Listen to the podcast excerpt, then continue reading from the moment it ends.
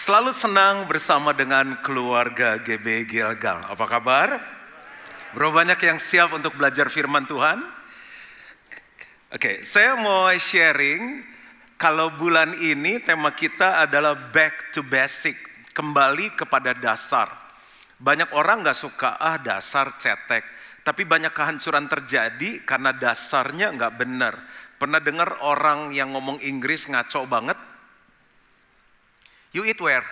Jadi makan di mana? Maksudnya kan where do you eat? Itu karena dasarnya nggak benar. Orang ngomong bahasa Inggris itu mesti punya basic, paling nggak dia ngerti 16 tenses. Misalnya simple present tense, simple past tense, lalu uh, present continuous tense, present perfect tense 16. Dia harus kuasai 164 tiga bentuk kata itu drink, drink, drunk, eat, ate, eaten, dig, dug, dug itu harus ada jadi ngomongnya nggak sembarangan. Ada bangunan-bangunan yang retak karena dasarnya nggak bagus. Makanya kalau kita sekolah kan sehebat-hebatnya kita, bro, anak gue, gue rencana langsung masukin SMA. Hah, iya soalnya kan gue kaya, gue beli sekolah. Nggak bisa, di mana-mana TK dulu, main-main dulu. Karena kalau terlalu serius nggak bermain, nanti setelah dia tua, dia main-main. Karena kecilnya kurang bermain. Jadi kalau kamu tuh anak-anak kerjanya main-main. Memang job desknya anak-anak main-main. Nah kalau udah tua main-main, kita nggak bisa sulap dia jadi anak-anak lagi. Jadi biarin aja anak kecil main-main sampai dia puas, baru dia sekolah. Dia mau tidur tidur, makan terus. Nggak yang makan terus dibilang makan terus, yang susah makan bilang anak saya susah makan pak sampai saya kasih obat cacing. Jadi biar aja basic natural. Makanya dasar negara kita adalah Pancasila. Dasarnya kuat, mau diomong-amikan berapa kali tetap kuat. Sekali merdeka tetap merdeka. Ya, masih jauh 17 Agustus, tapi basic itu sangat penting. Ya, makanya sekolah dasar dulu tambah-tambahan, kali-kalian, kurang-kurangan, bagi-bagian. Nah, bagaimana dengan kekristenan? Banyak kali pernikahan hancur karena nggak ikut premerit. Makanya kenapa uh, men's camp tuh perlu ikut itu dasar kepriaan. Gue kurang pria apa? Pastor anak tujuh, pastor cuma satu. Bukan masalah tujuh, kucing juga anaknya banyak om. Tapi kan dasarnya jadi pria. Nah makanya kenapa primerit penting. Ada yang bilang oh lebih gampang masuk surga daripada kawin di Gilgal. Terserah. Tapi kita sangat perhatikan namanya basic atau dasar. Nah kekristenan juga seperti itu. Jangan sampai kita kira marah, kecewa, sedih setelah lama jadi orang Kristen. Kok gini sih ikut Tuhan? Lalu kita nyalain gereja, nyalain ya ketua selnya disalahin. Sedangkan ada banyak PR dasar yang dia nggak selesaikan. Nah firman Tuhan bilang dalam Yohanes 10 ayat 10, pencuri datang hanya untuk mencuri dan membunuh dan membinasakan. Kalau kita Kristen rasa hidupnya banyak yang hilang, kemungkinan pemimpinnya masih setan. Tetapi Yesus datang, kalau pemimpinnya Yesus, dia datang supaya mereka mempunyai hidup dan mempunyainya dalam segala kelimpahan. Kalau orang Kristen dengar kelimpahan pasti pikirnya duit, banyak duit, cien. Enggak. Dia datang untuk memberikan hidup, coba ambil nafas sama-sama, dua, tiga. Hidup di dunia, dan juga setelah kita mati kita punya hidup yang kekal. Yang kelimpahan itu apa? Tuhan yang di dalam kita. Tuhan yang adalah kasih. Sehingga kita melimpah dengan damai, sukacita, bisa mengampuni orang lain. Ada banyak yang orang yang mungkin uangnya banyak, secara dunia kelimpahan, tetapi secara kehidupan dia kekurangan, miskin. Bapak ibu saudara, pengen kekurangan atau kelimpahan? Kelimpahan. Nah untuk bisa kelimpahan hidup mesti balance. Makanya saya mulai minggu ini dengan judul Balance of Life. Kehidupan yang seimbang. Dasar kehidupan yang kuat saat kita melakukan semuanya dengan seimbang. Jadi ada banyak orang secara karir tinggi. Wah bisnisnya besar, posisinya tinggi, uangnya banyak, keluarganya rasanya dari luar bagus. Tapi kok rasanya ada yang kurang, gak merasa melimpah dengan kasih, sukacita, kosong hidupnya. Salah satu sebabnya karena mereka hidup seperti mesin, terburu-buru. Saya dulu sebelum bertobat juga hidupnya seperti itu. Banyak dicuri, walaupun saya sebagai seorang pendeta Nah, coba kita lihat beberapa ciri. Selama saya bacakan ciri ini, tolong jangan ada KDRT di tempat ini. Tuh, lu tuh, tuh gitu, jangan. Kita pulang nggak boleh ada yang biru-biru, nanti selesaikan di rumah baik-baik. Are you ready? Siap? Yang pertama, ciri orang yang sekalipun Kristen dan dasarnya hancur karena hidupnya terburu-buru dan gak kelimpan adalah sebagai berikut. Yang pertama, cepat marah, darting. Dikit-dikit marah, dikit-dikit marah. Marahnya berseri lagi. Nadanya tinggi terus do re mi fa sol la si do. Pernah dengar orang kalau mau dari so? Iya, kan itu lu mata lu nggak lihat taruh di situ makanya cari itu pakai mata jangan pakai dengkul. Nyari barang marah, ketinggalan kunci marah, dia yang salah dia yang marah lebih galak kita bingung. Yang salah lu kalau lebih galak sih itu darting cepat marah. Nah nanti kita bikin skor ya, siapa yang lulus, siapa yang enggak. Tapi untuk konsumsi pribadi. Yang kedua adalah hipersensitif itu orang yang sensi, dikit-dikit tersinggung, dikit-dikit curigation, dikit-dikit eh dia ngomongin gue, wih kegeeran lu. Orang ngeliatin kita aja tersinggung. Nggak diajak tersinggung, memang tiketnya cuma tiga, terus badan kita gede kan nggak muat. Sensi. Nggak ada ya di sini ya. Eh ini belum khotbah udah cepat marah pasti nggak ada. Sensi nggak ada. Yang ketiga gelisah, nggak bisa diem. Canas, cacing kepanasan. Kayak, kayak nggak bisa tenang, apa kalem gitu hidupnya itu nggak bisa. Yang keempat, gila kerja. Aktivitas tanpa henti. Walaupun dia mungkin bukan kepala keluarga. Ntar arisan di sini, event di sini, segala pokoknya udah sibuk aja. Pagi senam, segala pokoknya nggak ada yang salah senam, nggak ada yang salah arisan. Tapi kayaknya kayak mainan yang nggak bisa berhenti, kuda-kudanya begitu tuh. Gitu nggak bisa. Anaknya lihat dia capek. Suaminya pun tanya, "Ma, mama di mana gitu?" Kan biasa istri tanya, "Pak, kok belum pulang?" Ini suaminya yang tanya istrinya, "Ma, di mana, Ma?" Yang kelima, mati rasa. Hidup nggak punya empati untuk diri sendiri. Lihat orang susah, ya mungkin kena kutuk gitu. Selama hidup, selama hidup nggak pernah doain orang sakit, nggak pernah nolong orang, nggak pernah memberi, nggak pernah ngunjungin. Udah dingin. Ini cool and the gang. Hidupnya oke, tapi itu bukan kelimpahan yang Tuhan mau. Itu nggak balance hidupnya. Yang berikutnya adalah nomor berapa sekarang? 6 ya. Keluar dari urutan prioritas. Kan mestinya kepala, leher, dada, perut, paha, dengkul, betis, kaki kan. Kalau orang jalan pala di bawah, kaki di atas bisa nggak? Bisa, sirkus. Itu pun karena dibayar. Habis itu minum panadol. Nah, ada orang yang karena Kristen dan dia hidup dalam terburu-buru, basicnya kacau, prioritasnya salah. Makanya nomor satu itu kan Tuhan ya. Nggak tahu setuju nggak nih? Nomor dua yuk sama-sama prioritas yang benar apa? Yang kita belajar. Keluarga kan. Lalu yang ketiga adalah pekerjaan. Yang keempat apa? Pelayanan. Oh semangat sekali om, oke makasih. Pelayanan, pasti volunteers tuh yang jawab. Yang kelima apa? Hobi, boleh. Naik kuda, naik sepeda, boleh. Makan, boleh. Hobi dan lain-lain. Coba lihat hidup kita deh. Kenapa akhirnya kita nggak bisa nikmati kelimpahan, rasanya kurang, kok Tuhan gini, kok rasanya nggak seperti yang saya impikan. Karena prioritasnya salah. Bangun pagi Tuhan, cari Tuhan atau cari handphone? Eh handphone gua mana? Atau, atau cari Alkitab. Orang jujur masuk surga. Handphone atau Alkitab? Buka handphone atau buka Alkitab? Nggak nih soalnya takut ada pesanan nih gitu. Sedang dia lupa siapa yang buka pintu berkat untuk pesanan itu datang. Gitu. Sampai beberapa orang salaman tuh nggak bisa lurus tuh. Ini nih pak kebanyakan screen tuh, udah kaku gitu. Oke. Yang berikut adalah Kesehatan kurang terawat, kolesterol tinggi, asam urat tinggi, nggak semua dari situ bisa dari makanan, nggak pernah olahraga, nggak pernah cek, aduh nggak nggak nggak ada waktu sibuk. Yang kedelapan melarikan diri.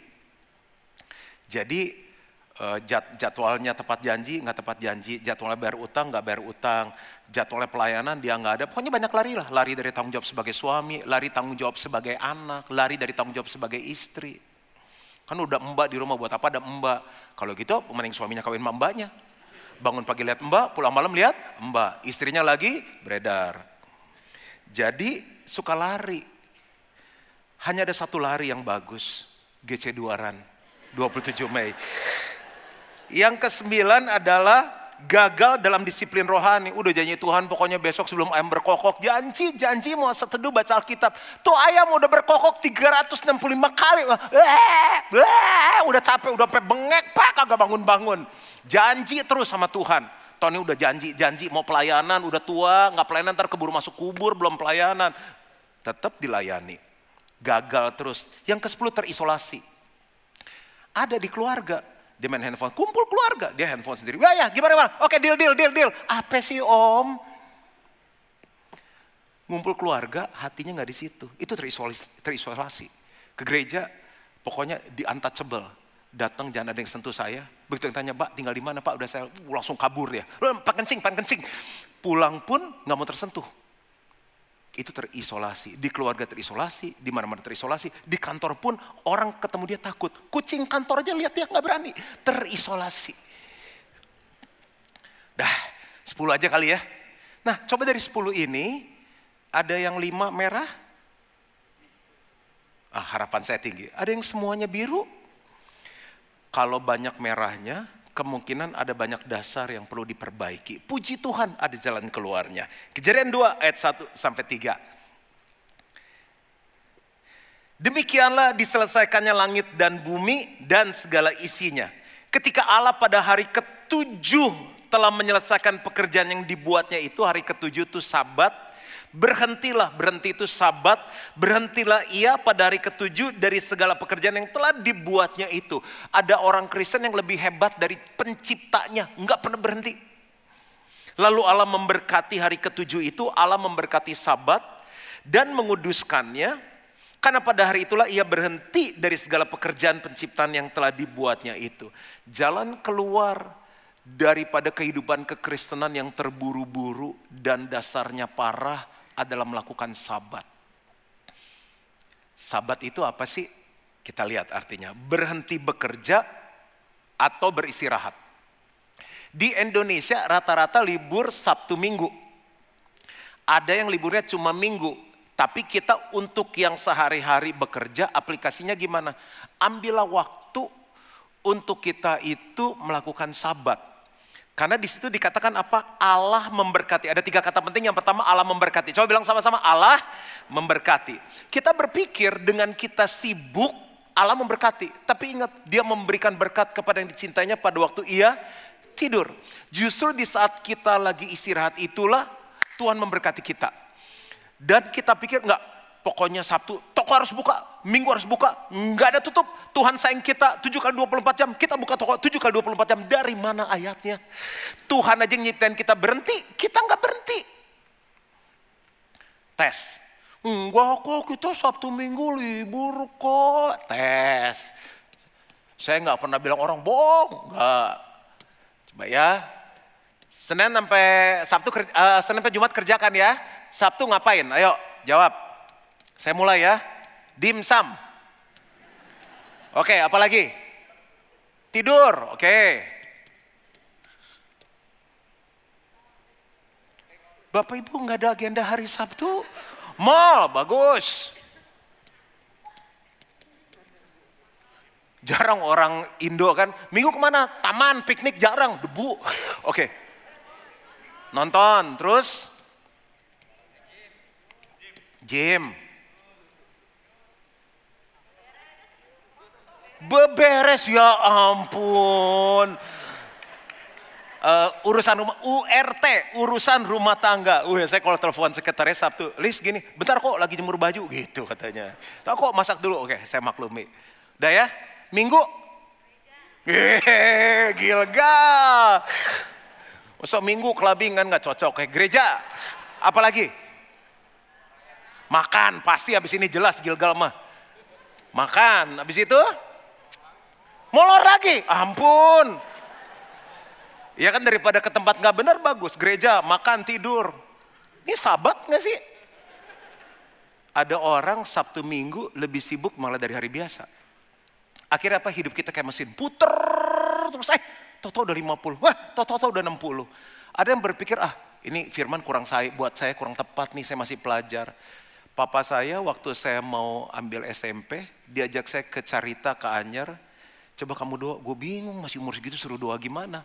Pilihan saya tuh hari Kanisius, Pangudi Luhur, terus Tarakanita.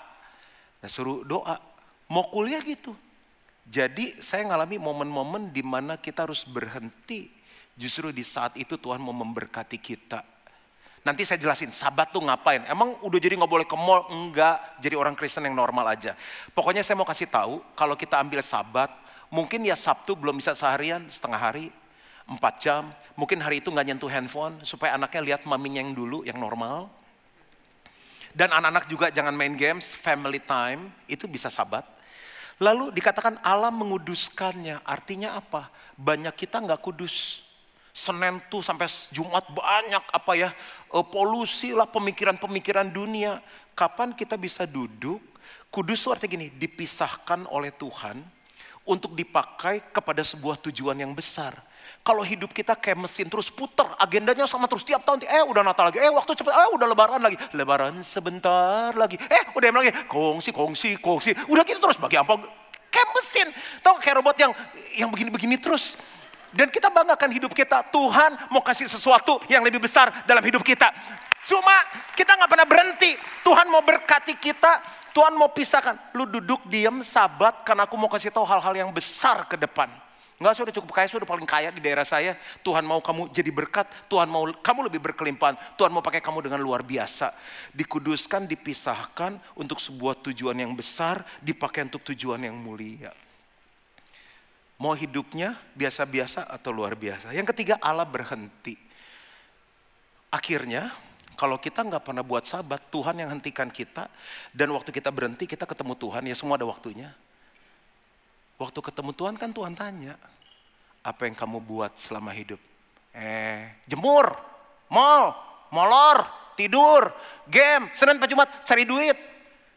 Kalau gue ciptain manusia cuma buat itu, ngapain? Aku kasih kamu kekayaan, aku kasih kamu kepinteran, aku kasih kamu fasilitas, keluarga yang baik. Hidup kita jadi mesin, waktu kita berhenti di pintu di sana. Ini bagus loh. Orang ujian kan biasa kalau ada bocoran kan nggak boleh dong bocoran soal kan. Ini pendetanya kasih bocoran loh. Jangan sampai kita ketemu Tuhan, gereja mana Gilgal? Ditanya gini, nggak malu juga pendetanya. Makanya mulai sabat, Nah, siklus kehidupan itu mulai dari bayi, anak, remaja, pemuda, dewasa. Ada ibu-ibu yang melahirkan langsung anak saya tuh langsung remaja loh, 14 tahun.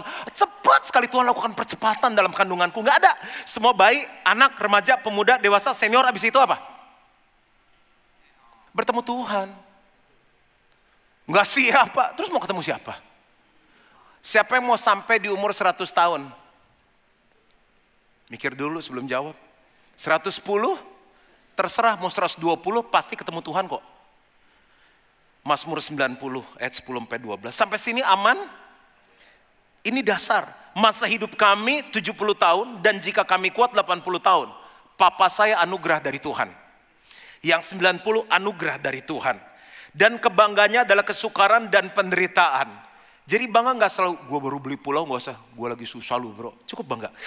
Sebab berlalunya buru-buru dan kami melayang lenyap Ayat 12 baca sama-sama, dua tiga, ajarlah kami menghitung hari-hari kami sedemikian hingga kami beroleh hati yang bijaksana. Jadi kenapa kita perlu sahabat supaya hidup nggak muter terus. Dasarnya bolong, begitu ada goncangan, tantangan, selesai kita. Maka tiba-tiba udah kawin 20 tahun cerai. Tiba-tiba, hah bukannya dia bisnis gede, ambruk. Karena nggak pernah duduk, izinkan Tuhan memberkati, menguduskan, dan kita ambil jeda sebentar untuk siap kepada berkat yang lebih besar yang Tuhan mau kasih. Ajari kami menghitung hari-hari kami supaya kami beroleh hati yang bijaksana. Artinya selama sabat itu kita perlu renungin apa yang harus saya lakukan untuk bisa mencapai tujuan Tuhan dalam hidupku. Bukan hanya tujuanku, tujuan Tuhan. Apa yang aku mau lihat terjadi sebelum aku dipanggil Tuhan Bagaimana kita menjalani hari-hari kita, menggunakan hari-hari kita. Bagaimana kalau tiba-tiba Tuhan jemput saya, saya pertanggungjawabkannya gimana sama Tuhan. Urusan umur nggak ada yang tahu.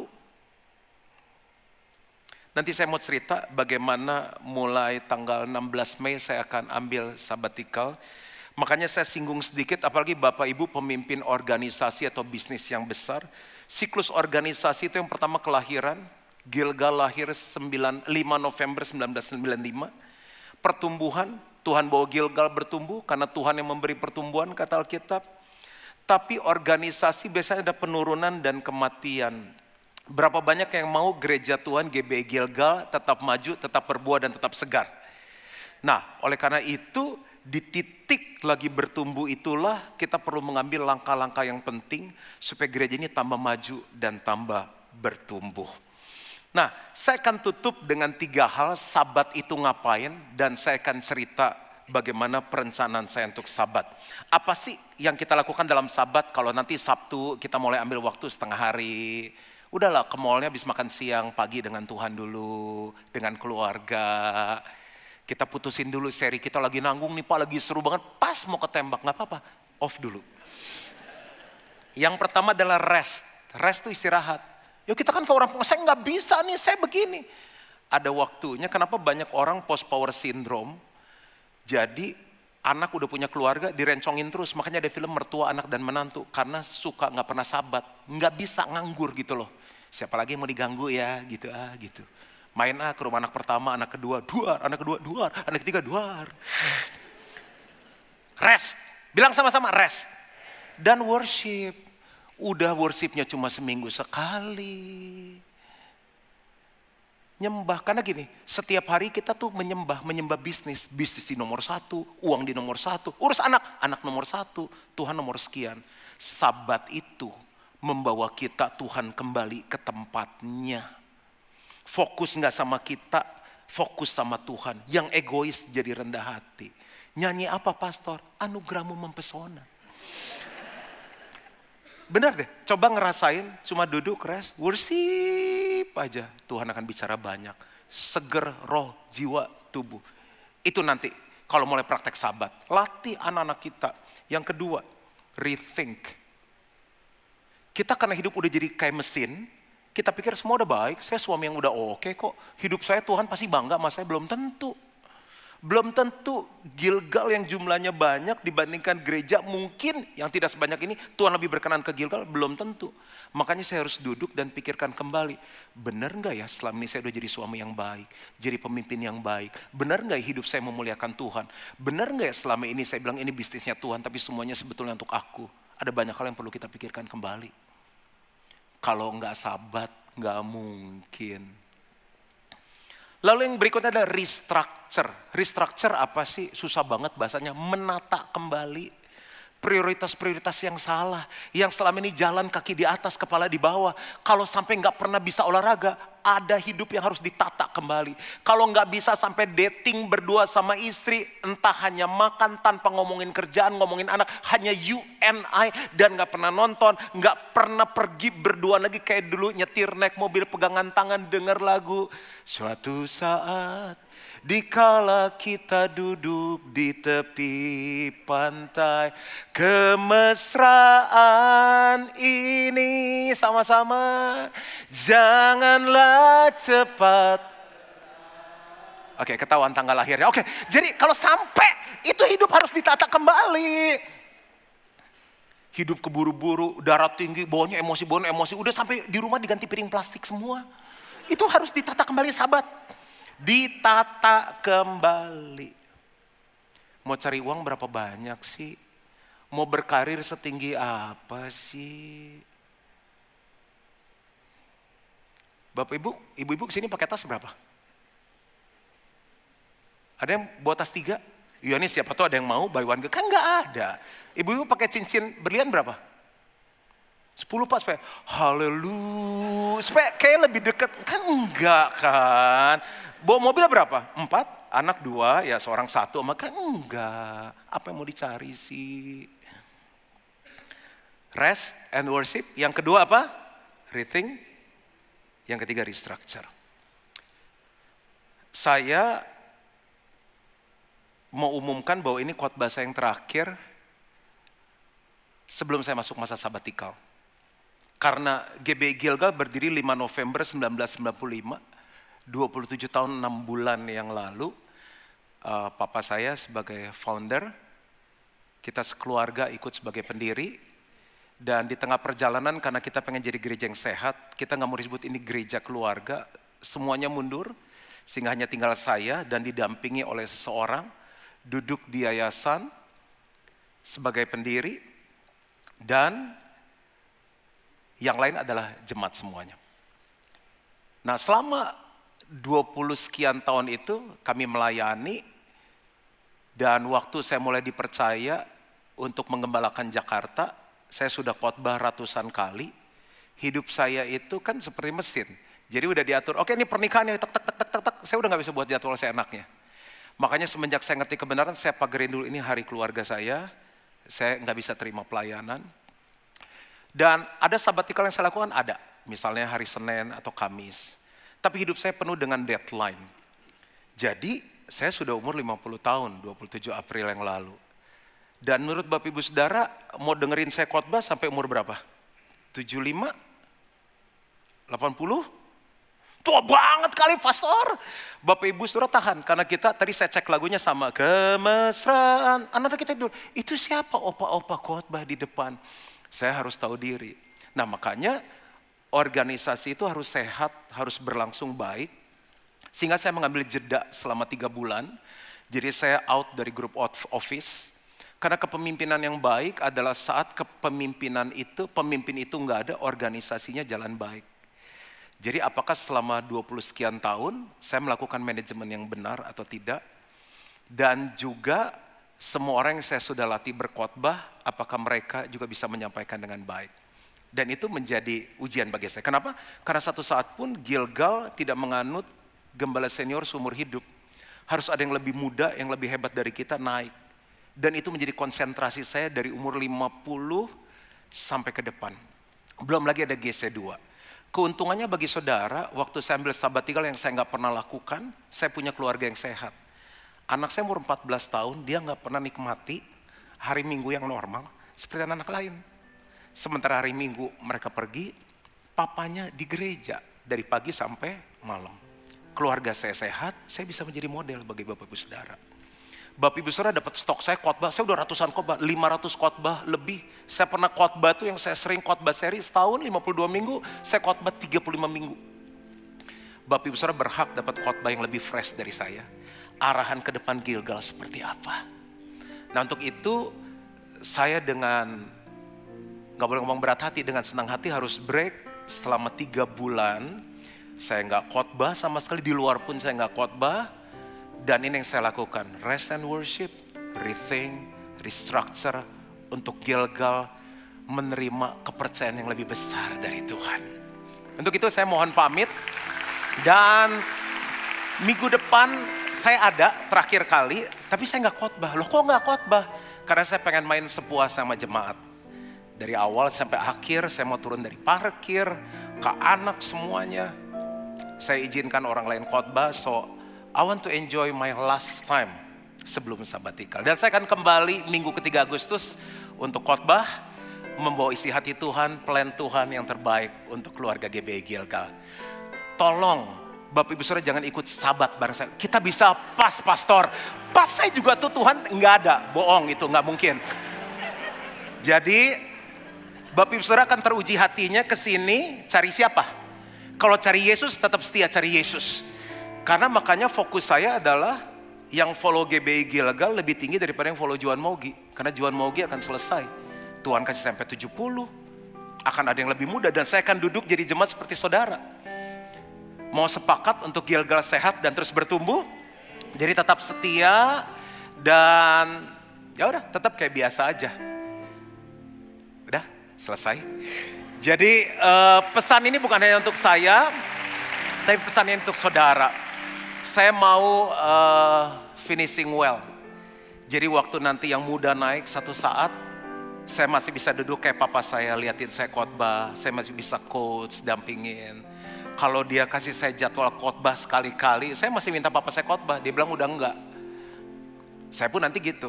Saya cuma minta mungkin saya dikasih lah, asyir masih boleh, senior fellowship mungkin saya masih bisa diterima. Tapi 50 is just about a number age is just a number. Masih ada mungkin 10, 15, 20 tahun lagi saya nggak tahu. Tuhan kasih saya kuat. Tapi tolong untuk kita yang bukan pendeta, praktek sabat ya. Dan Tuhan akan percayakan hal-hal yang besar. Tuhan memberkati. Mari bangkit diri sama-sama. Tenanglah jiwaku dalam